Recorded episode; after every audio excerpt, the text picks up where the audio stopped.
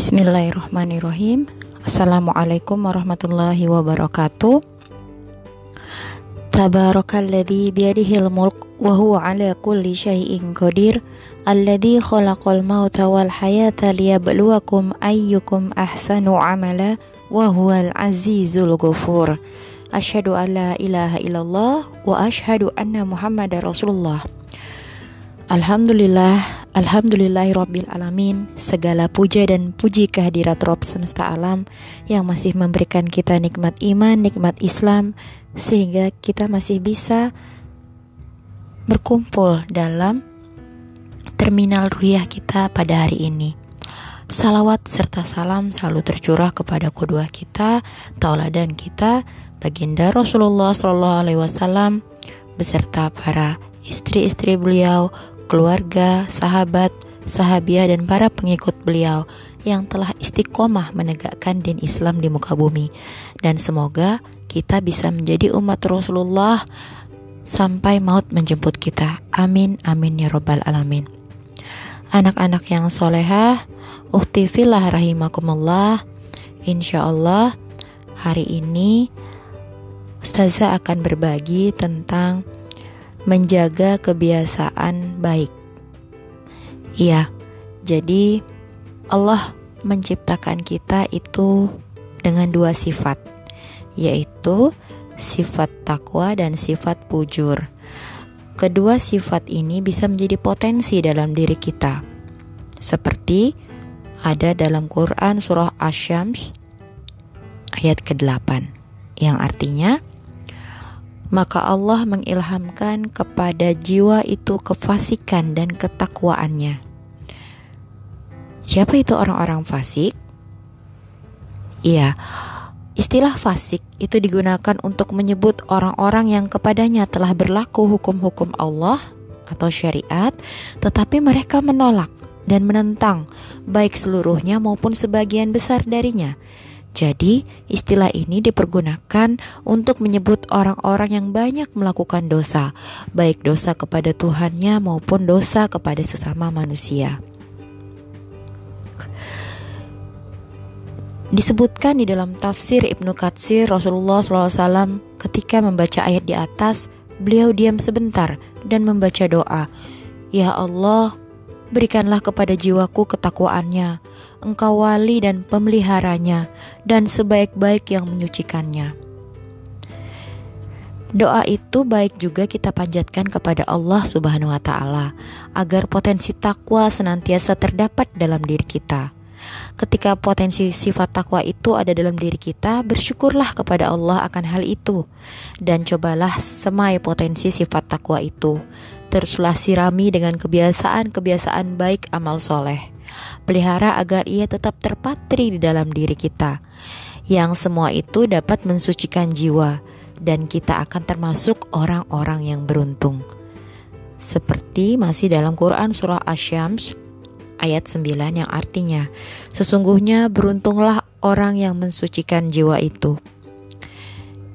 Iya, takwa adalah sifat yang sang pemiliknya akan menjadi seorang yang dapat membedakan antara yang benar dan yang salah karena memiliki karakter furqon atau pembeda.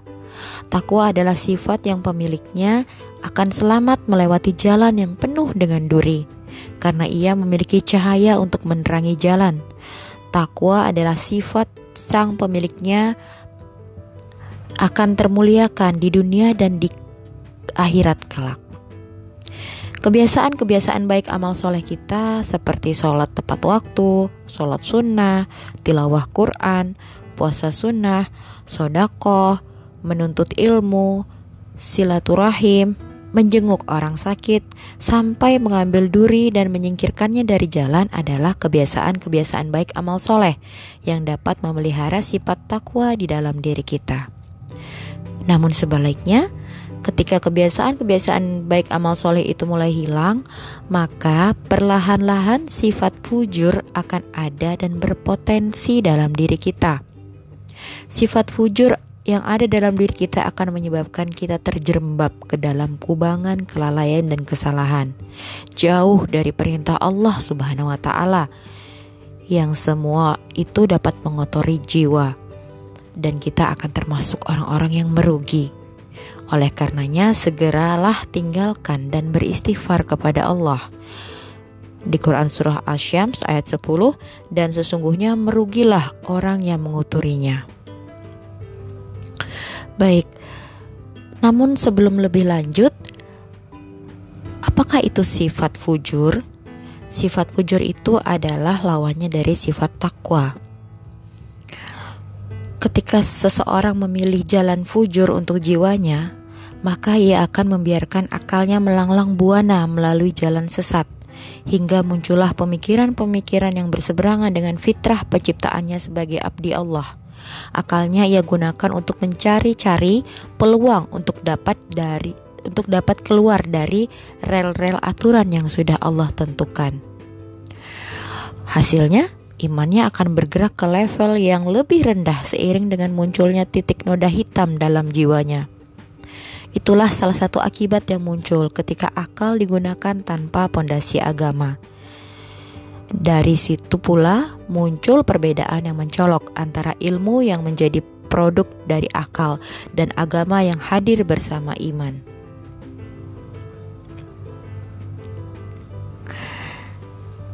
Awal dari potensi sifat fujur itu ada ketika kita mulai meninggalkan kebiasaan-kebiasaan baik amal soleh kita.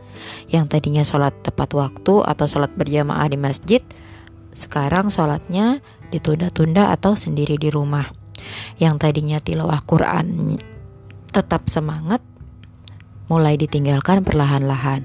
Sholat sunnah pun terlupakan bahkan menuntut ilmu diabaikan Uhtifillah rahimakumullah tidak menutup kemungkinan dari menurunnya kualitas ibadah yang berarti juga menurunnya kualitas iman kita. Perlahan-lahan kita mulai salah jalan dalam melangkah. Potensi sifat fujur itu akan semakin besar dan akhirnya kita akan semakin jauh dari perintah Allah. Ketahuilah bahwa setan itu sabar dalam tujuannya untuk menyesatkan umat manusia dari jalan kebenaran yang lurus. Sampai datangnya hari kiamat, setan akan senantiasa menggoda dan menyesatkan anak cucu Adam.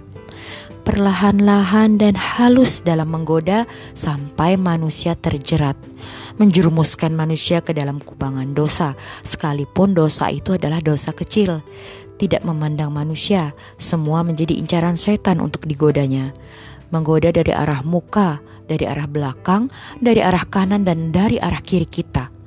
Menggoda manusia untuk diajak menikmati dunia yang tanpa batas, mengajak untuk tidak bersyukur atau taat kepada Allah, dan mengajak manusia melupakan akhirat. Diabadikan dalam Al-Quran akan janji syaitan atau iblis untuk menyesatkan semua manusia di muka bumi. Seperti dalam Quran surah Al-A'raf ayat 16 dan 17 yang artinya Bismillahirrahmanirrahim Iblis menjawab karena engkau telah menghukum saya tersesat, saya benar-benar akan menghalang-halangi mereka dari jalan engkau yang lurus. Kemudian saya akan mendatangi mereka dari muka muka dan dari belakang mereka, dari kanan dan dari kiri mereka. Engkau tidak akan mendapati kebanyakan mereka bersyukur atau taat. Ya, oleh karenanya, hati-hati dengan kebiasaan baik kita yang mulai menghilang. Jika kebiasaan-kebiasaan baik amal soleh itu hilang, maka bisa jadi akan berpotensi menjadi kebiasaan jelek ada pada diri kita yang kebiasaan itu mewakili sifat fujur. Dan itu adalah sebuah kesuksesan setan dalam menggoda manusia, menjauhkan manusia dari jalannya yang lurus. Berusahalah untuk memelihara sifat takwa dan meninggalkan sifat fujur yang ada dalam diri kita. Kita tinggalkan dengan mengisi hari-hari kita dengan senantiasa mendekatkan diri kepada Allah dan senantiasa kita berzikir kepada Allah. Di dalam buku Tarbiyah Ruhiyah, Abdullah Nasih Ulwan menerangkan ada lima jalan untuk memelihara ketakwaan. Pertama, mu'ahadah atau mengingat perjanjian. Kedua, muraqabah, merasakan kesertaan Allah. Ketiga, muhasabah atau introspeksi diri. Keempat, mu'aqabah atau pemberian sanksi dan yang kelima, mujahadah atau bersungguh-sungguh. Iya, dari yang pertama tadi untuk memelihara ketakwaan, maksudnya muahadah mengingat perjanjian ada di dalam Al-Qur'an. Masih ingatkah untuk apa kita diciptakan? Untuk beribadah kepada Allah. Dan sejak di dalam rahim pun kita sudah berjanji seperti itu untuk beribadah kepada Allah. Kemudian diikuti dengan muraqabah, merasakan kesertaan Allah. Kita merasa bahwa Allah selalu bersama kita. Dan yang ketiga, selalu mengintrospeksi diri, memuhasabah diri kita. Yang keempat, muaqabah, pemberian sanksi. Ini bisa kita lakukan ketika uh, ada amalan-amalan yang biasa kita lakukan kemudian uh, menghilang perlahan-lahan. Kita bisa memberikan sanksi untuk diri kita, bisa dengan menambah porsi amalan atau menggantinya dengan amalan-amalan yang lain seperti itu. Dan yang terakhir tadi untuk memelihara ketakwaan dengan melakukan mujahadah yaitu bersungguh-sungguh. Ya mungkin di lain kesempatan nanti bisa kita gali lebih dalam lagi terkait uh, lima poin ini. Dan potensi sifat takwa itu akan selalu ada selama kita masih bisa menghirup nikmat udara yang disediakan oleh Allah. Karenanya pintu taubat belumlah tertutup dan ketahuilah bahwa Allah adalah maha pengampun kepada hamba-hambanya yang memohon akan ampunannya. Oleh karena itu, bersegeralah meraih takwa itu dengan senantiasa menjalankan segala apa yang diperintah, tentunya dengan mencoba mendekatkan diri kepada Allah, dengan beribadah dan beramal soleh kepadanya, dan berusaha menjauhi segenap larangannya. Kita bisa menjalankan kebiasaan-kebiasaan baik amal soleh itu dengan tidak memaksakan dalam mengerjakannya. Sedikit-sedikit tapi konsisten dan secara istimroriyah atau terus menerus. Dalam mengerjakan itu lebih dalam mengerjakannya itu lebih baik dan Allah sangat menyukai itu daripada kita paksakan harus menjalankan semua amal soleh yang harus dikerjakan tetapi tidak istimroriyah atau tidak terus menerus continue gitu ya dalam sebuah hadis uh, hadis riwayat Bukhari, amalan apa yang paling disukai Allah Ta'ala? Rasulullah menjawab, amalan yang dikerjakan secara istimroriyah atau terus-menerus walaupun sedikit. Ya, bukankah kita mengharapkan ketika Israel datang untuk menjemput, didapatinya kita sedang berada dalam kebiasaan-kebiasaan baik amal soleh kita, yaitu perbuatan takwa yang insya Allah dengan itu berarti kita husnul khotimah. Amin ya Allah. Tetapi apa jadinya ketika Israel datang menjemput? Didapatinya kita sedang berada dalam kebiasaan-kebiasaan melanggar larangannya, yaitu perbuatan fujur. Semoga tidak terjadi pada diri kita dan keluarga kita semua. Amin amin ya robbal alamin. Iya, uhtifillah rahimakumullah anak-anak ustazah yang solehah Demikian tadi sedikit mengingatkan tentang menjaga kebiasaan baik atau menjaga amal-amal soleh kita. Jadi di akhir tadi di kesimpulan kita ingin gitu ya endingnya hidup kita ini adalah husnul khotimah.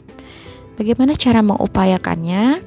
Selain dengan mengumpulkan bekal sebanyak-banyaknya, hari-hari kita diikuti dengan kebiasaan-kebiasaan baik.